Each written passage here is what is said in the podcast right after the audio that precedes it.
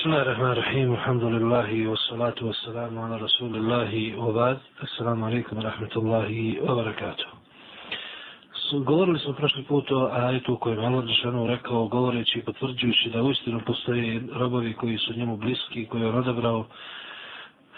To su riječi Allah Žešanu, Ela inna awliya Allahi la khawfun alayhim wa lahum yahzanun alladhina amanu wa kanu yattaqun.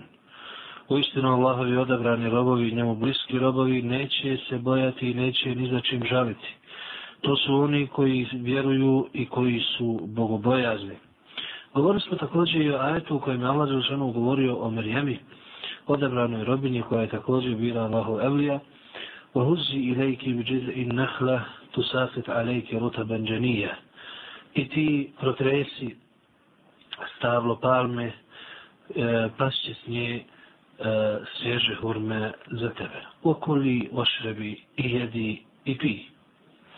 Također je spomenuo ajet od Zakarijahu a.s.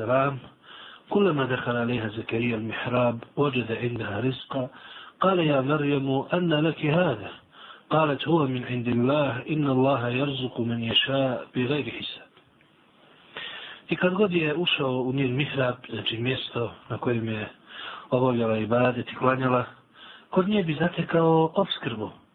Rekao je, o Merjema, otkud ti to? Ona, re, ona reče, to je od Allaha, a Allah obskrbljuje koga hoće bez računa. Naime, rekli smo da neki mufesiri na osnovu predaja iz starog i novog zavita, takozvanih Israilijata, kažu da je kod nje nalazio e, zimsko voće ljeti, a ljetno voće zimi. Međutim, dosta učenjaka, pošto ne postoje potvrdni rivajeti u hadisima Allahov poslanika sa selem u vezi s tim, kažu da je dovoljno za kerame to što je uopšte nalazio obskrbu kod nje, a nije znao odakle. Znači to što je nalazio kod nje obskrbu dovoljno je za potvrdu kerameta bez ikakvih drugih dodatelja. Također je govorio i o mladićima iz sure El Kehf, za koje Allah Đelešanu rekao da ih je uspavao za dugi niz godina. Nakon toga ih je probudio i uh, Allah Đelešanu je otkrio vijest o njima i njihov događaj stanovnicima tog vremena kako bi uzeli i brati pouku, a nakon toga je to ovjekovječio u svojim objavama kako bi i mi mogli do kijavijskog dana uzimati pouke i poruke iz tih događaja, a između ostalog i da su Allahovi kerameti počasti njegovim dobrim robovima, bogobojaznim vjernicima, istina i da postoje. Prvi nam je Ebu Muhammed Abrahman ibn Abi Bekr as-Siddiq radijallahu anhuma hadis o stanovnicima Sufe. To su bili siromašni e, ashabi koji su došli Allahovom poslaniku sallallahu alaihi wa sallam i nisu imali kod sebe niti novca, niti metka, niti porodicu. I za njih je Allahov poslanik sallallahu alaihi wa sallam pripremio jedan poseban odjelak u džami, u svojoj džami, e, gdje je napravio određenu pregradu, gdje su oni živjeli, boravili i slušali naravno poslanika sallallahu alaihi wa sallam. Jednom prilikom je poslanik sallallahu alaihi wa sallam rekao sahabima da uzme koliko ko može od njih, odvede svoje kući i ugosti ih i počesti. I desilo se da je Abu Bekar radijallahu anhu uzeo e, nekoliko e, od tih ljudi, a otišao je večerati kod poslanika sallallahu alaihi wa sallam naredivši svom sinu da ugosti goste. Kad se vratio, oni nisu jeli, e, čekali su domaćina, Ebu Bekar se naljutio, zaklao se da neće jesti, onda i oni su se zaklali i tako dalje. Nakon toga Ebu Bekar, radi Allah anhu, svoj zakladu prekršio i rekli smo da je to propisano, ako čovjek zakune se da nešto neće uraditi, a onda vidi da je hajz da to uradi veći nego da ne uradi, onda je propisano da prekrši tu svoju zakletu, iskupi se za nju, ali da uradi hajr i ono što je bolje. I kada su počeli jesti, hrana umjesto da manjka, da se smanjuje, ona je počela povećavati se i rasti. I kad god bi uzeli zalogaj, uh, hrani bi bilo još više. Znači više nego što su uzeli. Što je jedan vid počasti i kerameta prema Ebu Bakru, radijallahu anhu.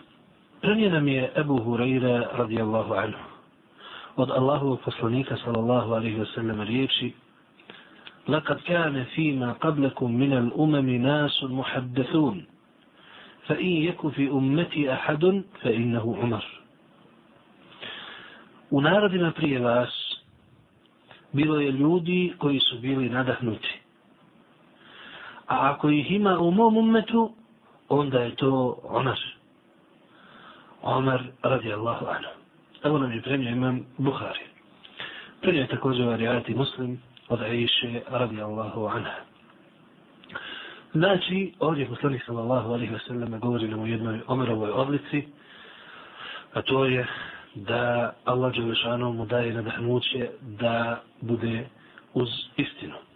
I to je naravno potvrđeno kroz njegov život.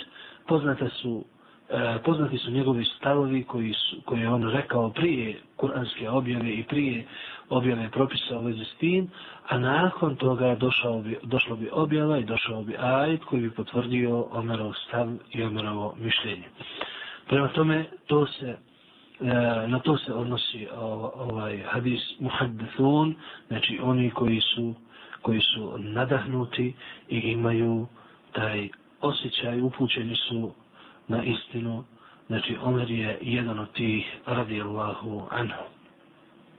Dalje, kažu učenjaci, poslanikove sallallahu alaihi wa sallam riječi, a ako ih ima u mom umetu, nisu sumnja, nego jednostavno potvrda da je Omer jedan od njih i da ako ikome pripada taj stepen, to je Omer, što ne znači da nema drugih, naprotiv, jer ovaj ummet je najodlikovaniji ummet, iako ih je bilo u prijašnjim narodima, naravno da i ovaj ummet obiluje tim i takvim.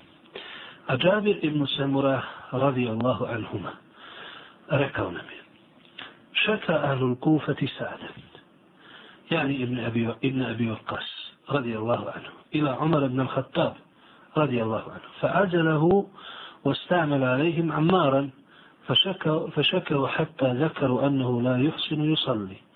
فأرسل إليه فقال يا أبا إسحاق إن هؤلاء يزعمون أنك لا تحسن تصلي.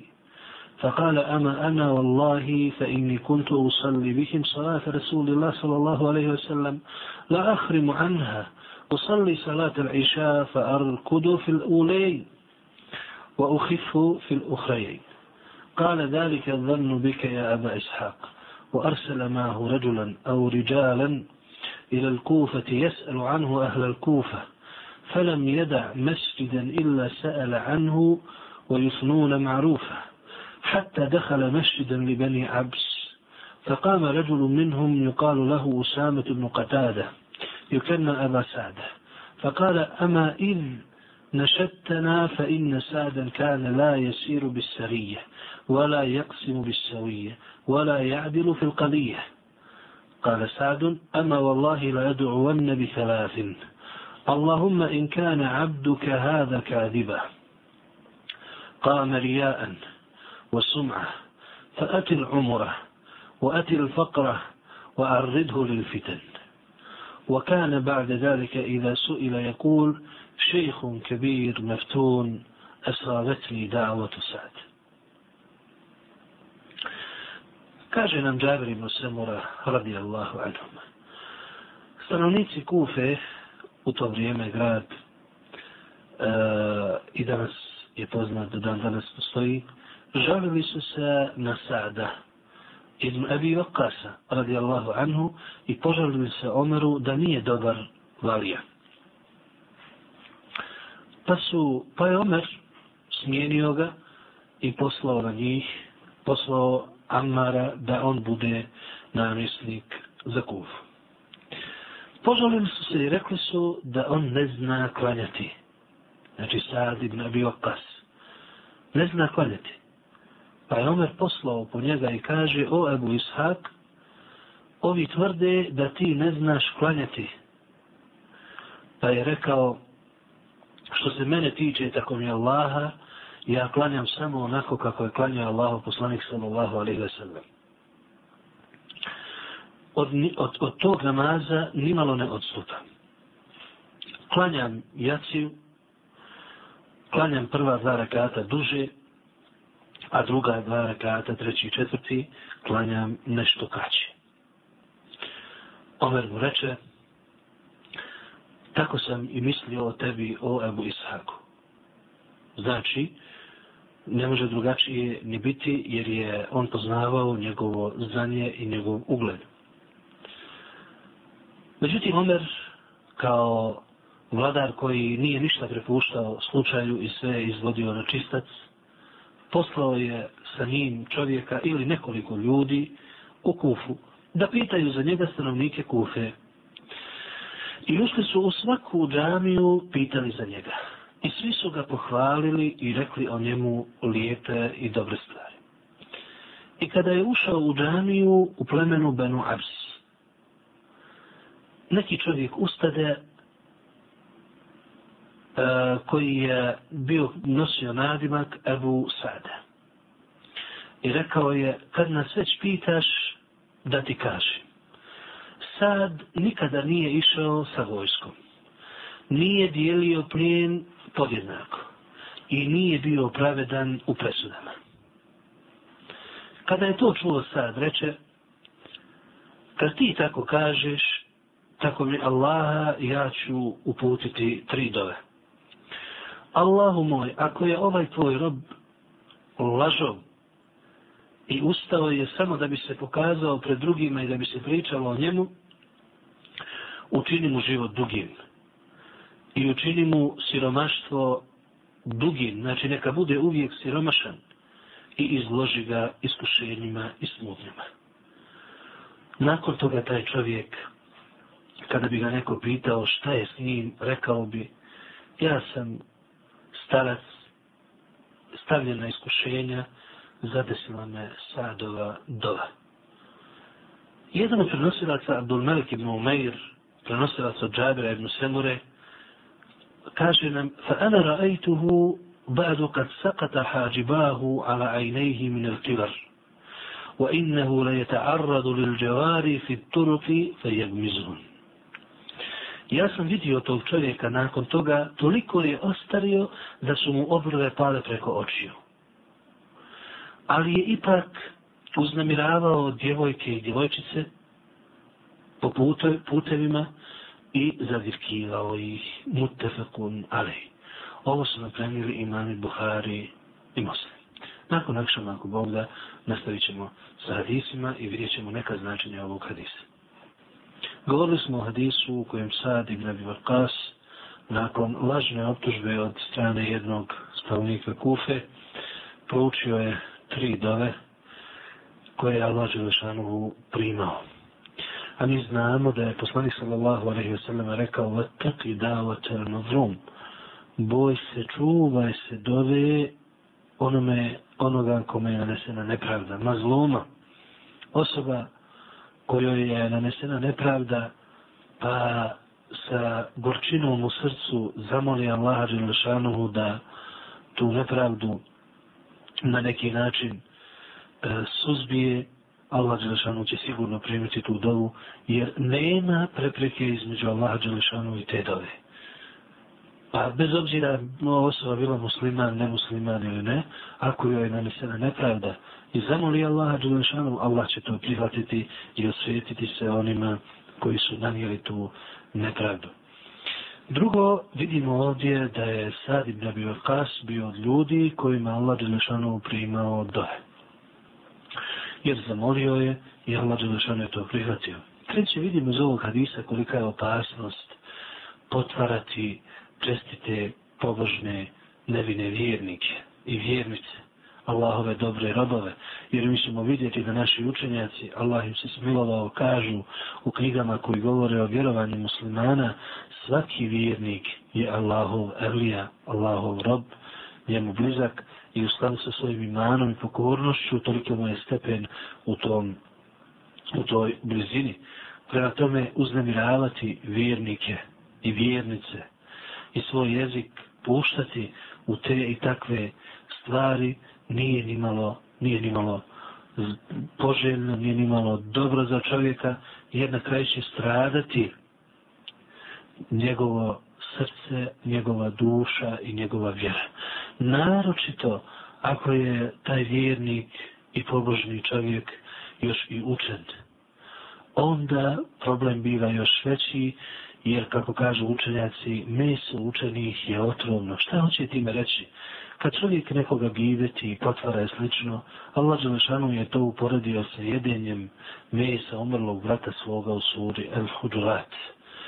I ako je ta osoba još i učena, onda ne samo da jede takvo meso, to je takav primjer koji želi to dijelo da ogavi ljudima, da ne bi to radili, da vidi koliko je to ružno, onda ne samo da, da, da jedu to meso, nego još i otrovno. To znači zatrovaće se njihove duše, zatrovaće se njihova srca i zatrovaće se njihove vjere. I zbog toga, kažu učenjaci, kroz historiju je to primjetno i kroz biografije ljudi, kogod se upustio u uvrede učenih, uvrede vjernika, nije dobro završio sa vjerske strane. Vidjet ćeš da je uvijek zalutao, vidjet ćeš da puta ne može naći, vidjet ćeš da luta od ovog do onog, vidjet ćeš na kraju krajeva da on život provodi pričajući više o, ljudim, o ljudima, a ne govori o Allahu više. U njegovoj priči nema govora Allah, nema govora poslanik sallallahu alaihi ve sellem. Samo govori o ovome, o onome i to najčešće na ružan način. I zbog toga, na uzubillah, kažu učenjaci, koga god vidiš da pusti svoj jezik u uvrede učenih pobožnih, čestitih vjernika, vidjet ćeš da njegov vjerski život neće na dobro i na hajr izaći.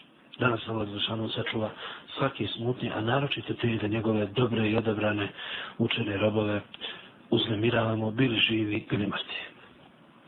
A Urva ibn Zubair kaže nam da je Sejid ibn Zaid ibn Amr ibn Nufeil radijallahu anhu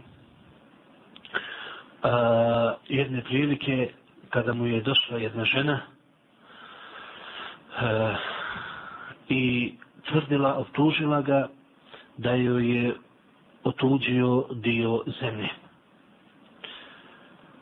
Znači, otišla je ona tadašnjem uh, halifi Mervanu ibn al-Hakemu i rekla, taj i taj uzeo mi je dio zemlje.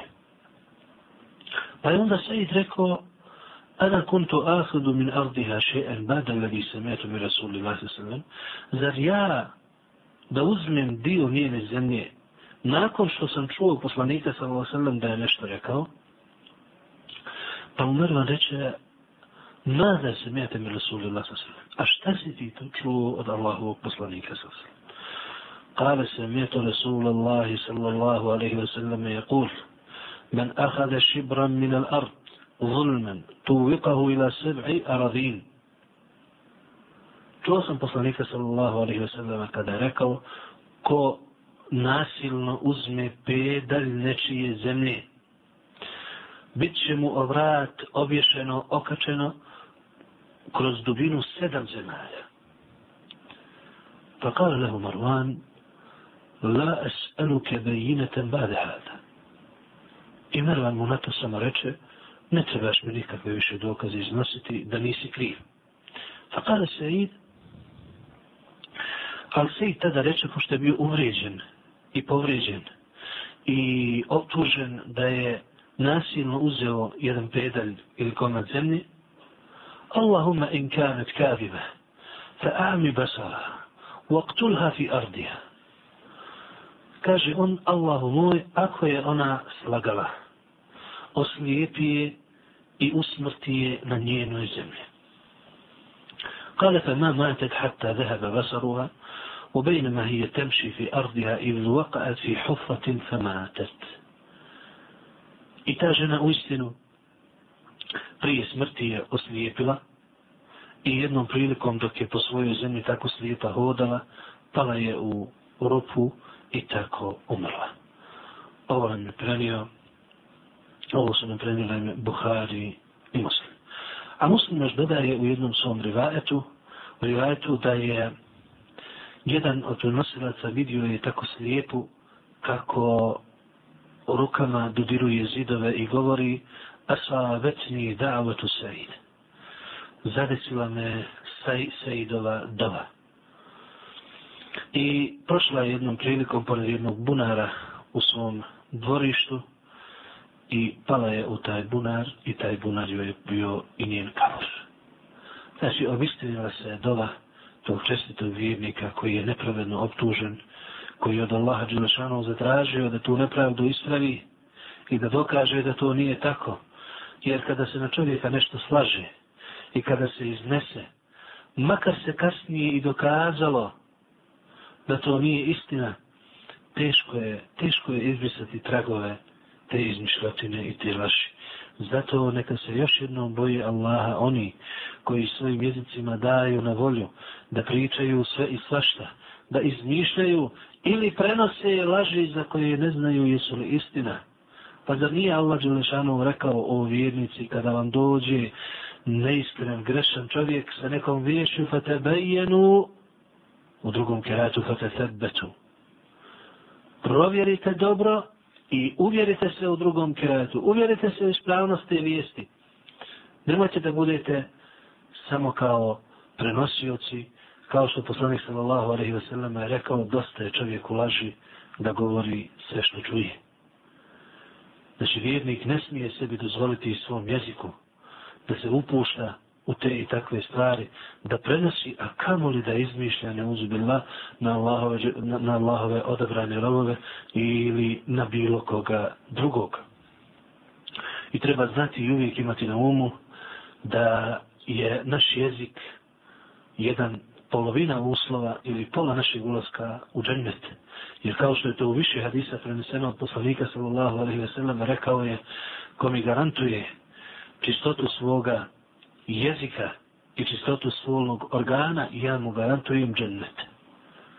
Znači, polovina razloga ulaska u džennet je u principu jezik zato ga se treba i čuvati, ako ne i više, jer kao što je u drugom hadisu poslanik sallallahu alaihi ve sellem rekao, a hoće li ljudi u džahennemu se prevrstati osim kao žrste svojih jezika. Da nas Allah Đelšanu sačuva zla naših jezika. Znači, i iz ovog hadisa kao iz predodnog vidimo kolika je opasnost uznemiravati Allahove odabrane robove, izmišljati na njih laži i potvarati ih i vidimo da se Allah Đelešanu odaziva dovama, dovama onih kojima je učinjena nepravda. I vidimo da je ovdje se Eid, radijallahu anhu, bio od onih kojima je Allah Đelešanu odazvao, odazivao se na dove. A Džabir ibn Abdullah radijallahu anhu nam لما حضرت أحد دعاني أبي من الليل فقال ما أراني إلا مقتولا في أول من يقتل من أصحاب النبي صلى الله عليه وسلم. وإني لا أترك بعدي أعز علي منك غير نفس رسول الله صلى الله عليه وسلم. وإن علي دينا فقضي واستوص بأخواتك خيرا. فأصبحنا فكان أول قتيل ودفنت معه آخر في قبره ثم لم تطب نفسي. أن أتركه مع آخر فاستخرجته بعد ستة أشهر. فإذا هو كيوم وضعته غير أذنه فجعلته في قبر على حدة.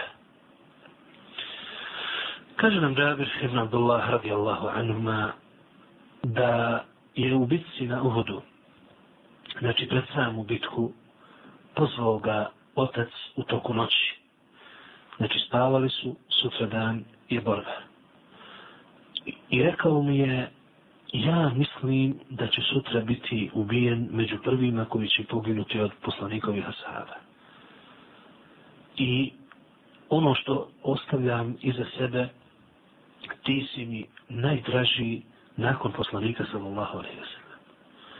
Ja imam neke dugove, pa to riješi i vrati i čuvaj svoje sestre.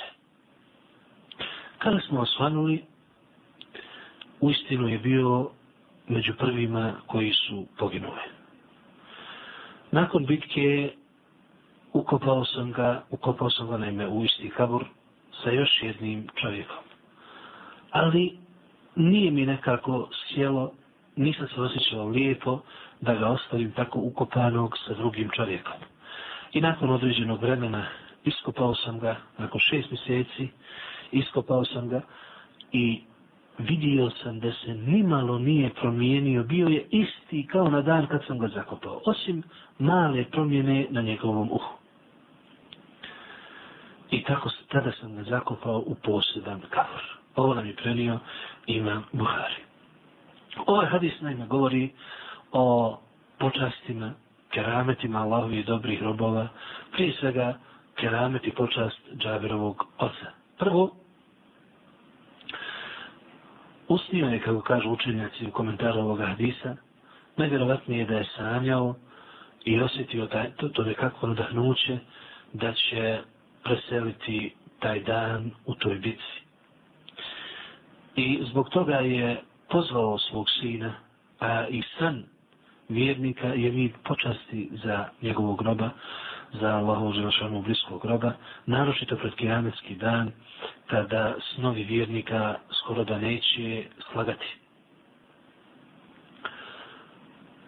Pozvao ga i rekao tako da očekuje sutra da će biti među poginulima i oporučio je svom sinu što treba raditi i što je obaveza svih ljudi koji misle o svojoj vjeri i o svom ahiretu, ako imaju kakvih ljugova, da to oporuče i oporučuje mu i da čuva sestre, znači kćeri koje će ostati iza njega.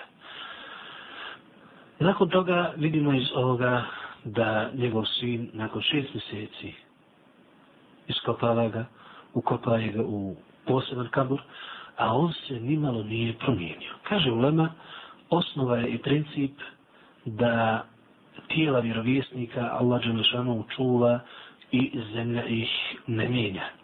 Međutim, tijela ostalih ljudi u osnovi truhnu i ostaje samo ta, ta jedna kost na, na kraju čovjekovih leđa koja će ostati i iz koje će e, na kijametskom danu nakon proživljenja izgraditi se i stvoriti se novo tijelo. Međutim, događa se da nekim robovima svojim iz posebne počasti Allah Đelešanu sačuva njihova tijela, ne dozvoli zemlji da ih uopšte promijeni iz posebne počasti prema njima.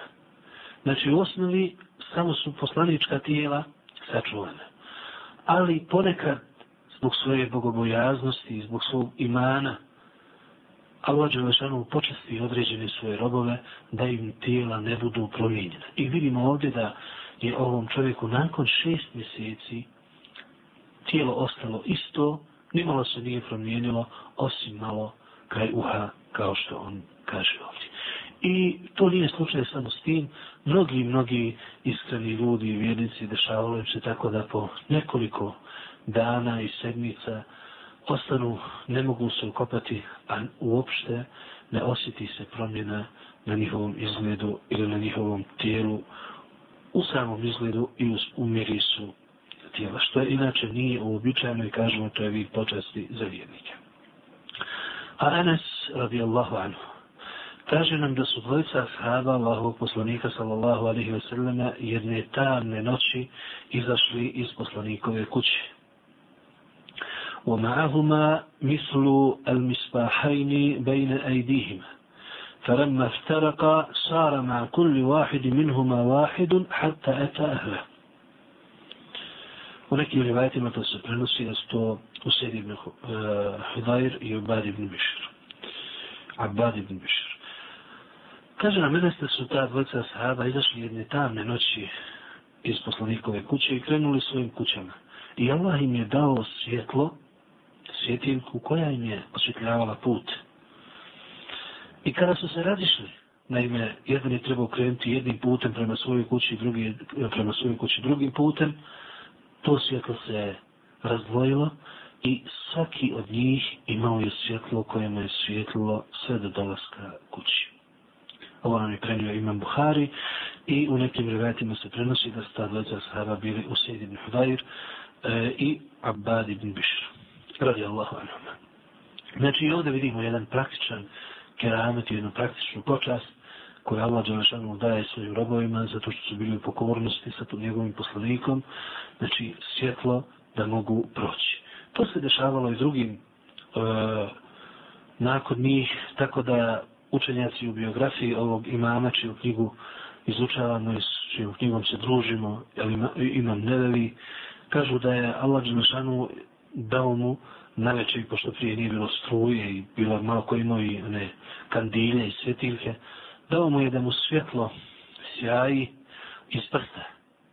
Pa je svjetlom, a, odnosno prstom, gdje, gdje god pokaže na knjigu koju čita ili eventualno piše, bilo bi mu osvjetljeno, imao je, znači, određeno svjetlo u svom prstu, rahimahullah.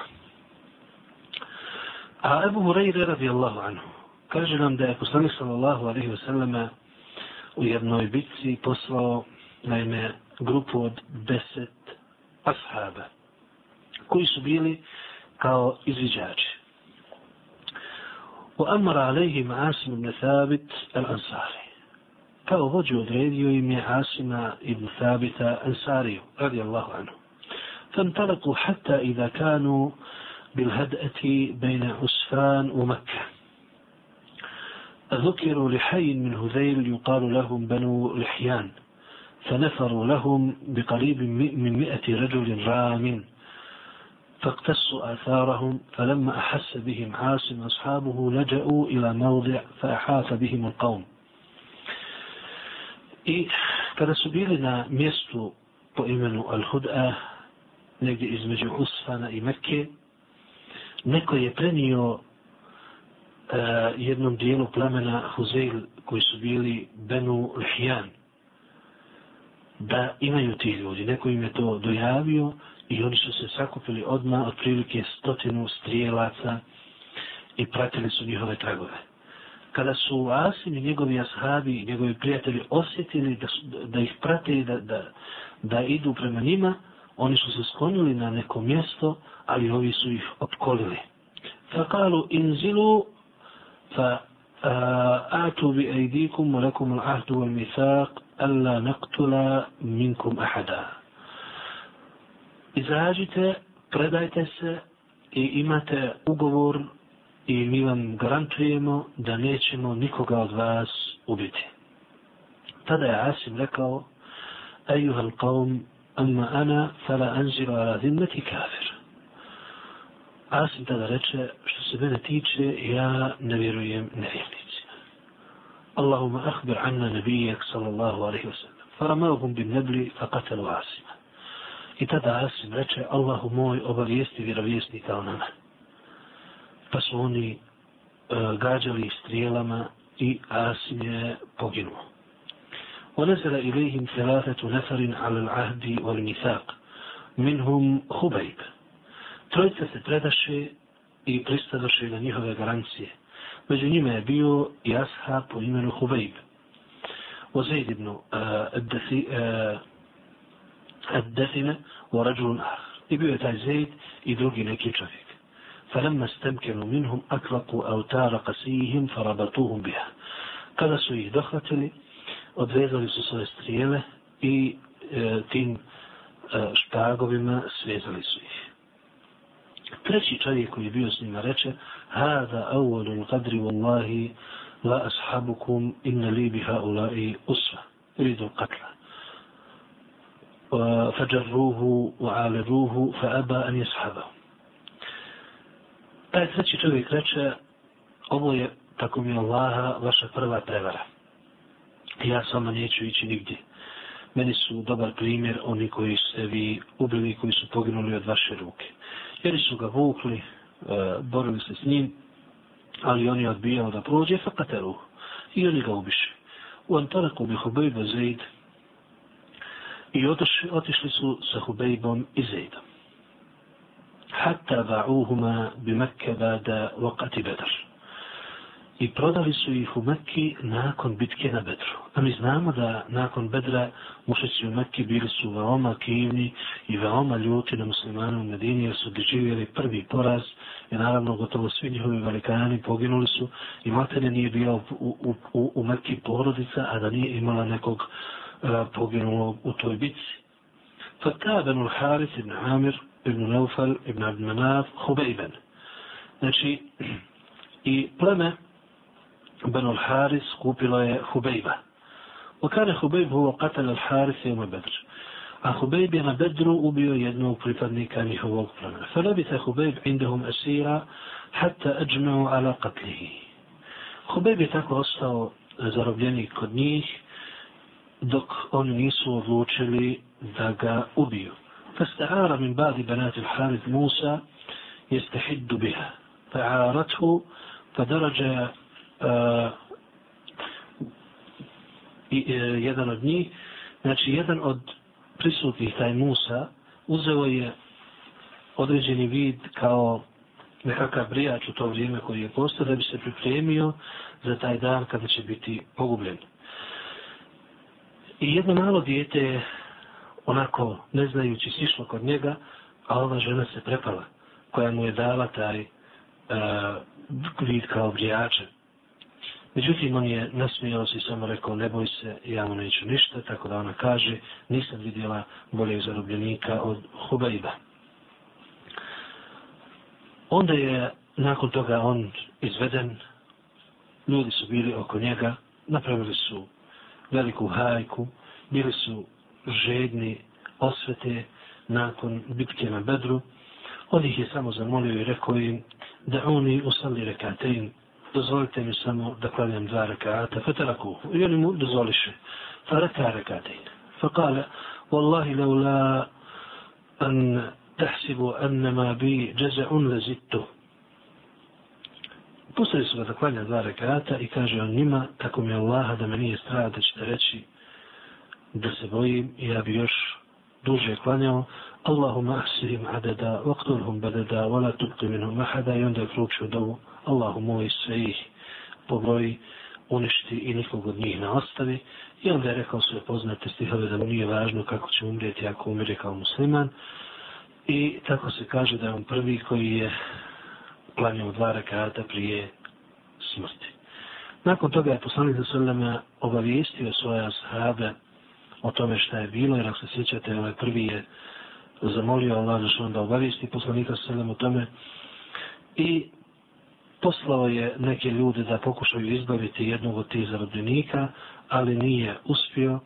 Ovi drugi su ostali i tako su završili i vidimo kako je taj keramet uh, počastio se i kažu ovi prenosioci da je taj Hubeib koji je bio zarobljen tada, nalazili su kod njega voće koje je inače bilo neobično u Mekki da ga uopšte ima, pogotovo u to vrijeme, što je bio jedan poseban keramet za njega. Ovo nam je u malo dužoj verziji prenio Imam Buhari, a hadisa koji govore o kerametima je mnogo, neki od njih su prošli kao što je bio dječak, koji je bio sa pobožnjakom i sa sihirbazom, kao što je Durejđov hadis koji je bio potvoren da je spavao sa bludnicom, da je dobio dijete, pa je dijete progovorilo i to je bio keramet i počas za njega, kao što su trojica koji su u pećini zaglavili, to nisu mogli izaći dok nisu dole proučili da je Allah Žešanu izbavi, kao što je hadis u kojem se spominje da je čovjek čuo glas iz oblaka da se napoji bašća tog i tog čovjeka i brojni drugi dokazi kao što imam nevevi kaže koji su poznati, a kod Allaha Đelešanuhu je uputa. A kaže nam Abdullah ibn Omer da za svoga oca, da kad god bi Omer rekao ja mislim da je tako, bilo bi uistinu tako. To je potvrda onog pridanog hadisa u kojem se spominje da je Omer radijallahu anhu jedan od onih koji su e, nadareni posebno za istinu i da su od onih koji su nadahnuti. Allah najbolje zna. Stvari koje je neophodno znati kada je u pitanju tema u vezi sa dobrim robovima, eulijasima i kerametima. Prvo, vjerujemo da evlije u istinu postoji. Ali onako kako ih je opisao Allah Đelešanu u svojoj knjizi i poslanik sallallahu alaihi wa sallam u svom sunnetu. A Allah Đelešanu ih je opisao rekavši Alladina amenu wa kanu jettakun. Oni koji su vjerovali i koji su bogobojazni. Znači, to su dva rukna, dva osnovna uslova da bi neko bio vali. Također, poslanik sallallahu alaihi wa sallam u poznatom hadisu koji je zabilježio imam Buhari i drugi, u kojem je rekao da ko se neprijateljski ponaša prema njegovom robu, odabranom vjerniku Evliji, da Allah Đanašanu mu objavljuje rat i da mu se ničim njegov rob ne može približiti dražim od farzova kojima on obaveznim značim učinio, a onda mu se približava dobrovoljnim ibadetima sve dok ga ne zavoli. Tako nam prenosi poslanik sallallahu alaihi wa sallam taj hadis. Drugo što moramo znati da stepen evlijaha ne prelazi stepen odabranih i pobožnih robova vjernika. Znači, oni su po nekakvoj dređi na trećem stepenu Prvi su poslanici, drugi su vjerovjesnici, treći su evlijasi, znači Allahovi odabrani robovi. Zbog toga imam Tahavi u svojoj poznatoj e, poslanici o akidi imama Ebi, Ebi Hanife i njegovih učenika kaže La nufaddil ahade min al-awlija ala ahade min al-anbija alaihimu salam ونقول نبي واحد أفضل من جميع الأولياء ne smatramo ni jednog velija boljeg od bilo kojeg vjerovjesnika, alaihimu salam, i tvrdimo i kažemo i vjerujemo da je jedan vjerovjesnik bolji od svih evlijaha zajedno. Tako nam kaže Imam Tahavi prenoseći vjerovanje uh, Ebu Hanife i njegovih učenika, a samim tim i muslimana nakon njega. Znači, evlijasi dolazi nakon stepena vjerovjesnika. I nema nekakve sumnje da tvrdne onih koji kažu da mogu dostići neke stepene nakon toga da je to zabluda i očito neznanje o tekstovima Kur'ana i hadisa Allahu poslanika sallallahu sallam, pa i e, stavova učenjaka ako hoćete. Dalje vjerujemo, kao što kažu naši učenjaci, da kerameti postoje, ali oni nisu uslov da bi neko bio evlija. Ovo je veoma, veoma važno. Znači, nije uslov da bi neko bio evlija, da mora imati nekakav keramet. I zato kažu naši učenjaci, kerameti se ne traži sami po sebi. Kerameti su jednostavno nešto što dolazi usput, a najveći keramet i počast za vjernika je da čvrsto vjeruje i čvrsto je ubijeđen u istine koje je Allah Đelešanu uspomenuo i poslanik sallallahu alaihi wa sallame kao da ih očima vidi. A nekada se može desiti da mu bude i na neki drugi način neobično pokazano ono što nije uobičajeno među ljudima, ali obično to oni kriju, pa se prenosi čak od nekih da su molili Allah da to ukloni kako ne bi to bio izvor smutnje za njih i za ljude oko njih. Zato nam Imam Tahavi kaže u vezi s tim وَنُؤْمِنُ بِمَا جَاءَ مِنْ كَرَامَاتِهِمْ وَصَحَّ عَنِ الثِّقَاتِ مِنْ رِوَايَاتِهِمْ I vjerujemo u keramete koji su koji se prenose o njima, ali samo one vjerodostojne prenesene od pouzdanih prenosilaca. Ovdje nas Imam Tahavi uči da imamo tih kerameta dvije vrste. Prva je ona koja je pouzdano prenesena iz nas je da je ustano tako bilo, kao što su ove koje smo prenijeli, naravno, koje imam nevaju vrsti ovdje i koje je neki spomenuo samo i šaretom. I brojne druge, jedna od najboljih knjiga o kerametima prevedena i na naš jezik, to su uh, kerameti Allahovi Hevlija ili kako već nazvana ta knjiga, prevedena je na bosanski jezik, uh, veoma je korisna i preporučljiva za pročitati. Znači, vjerujemo u keramete, ali uslovljavamo jedan uslov, a to je da budu vjerodostojno preneseni.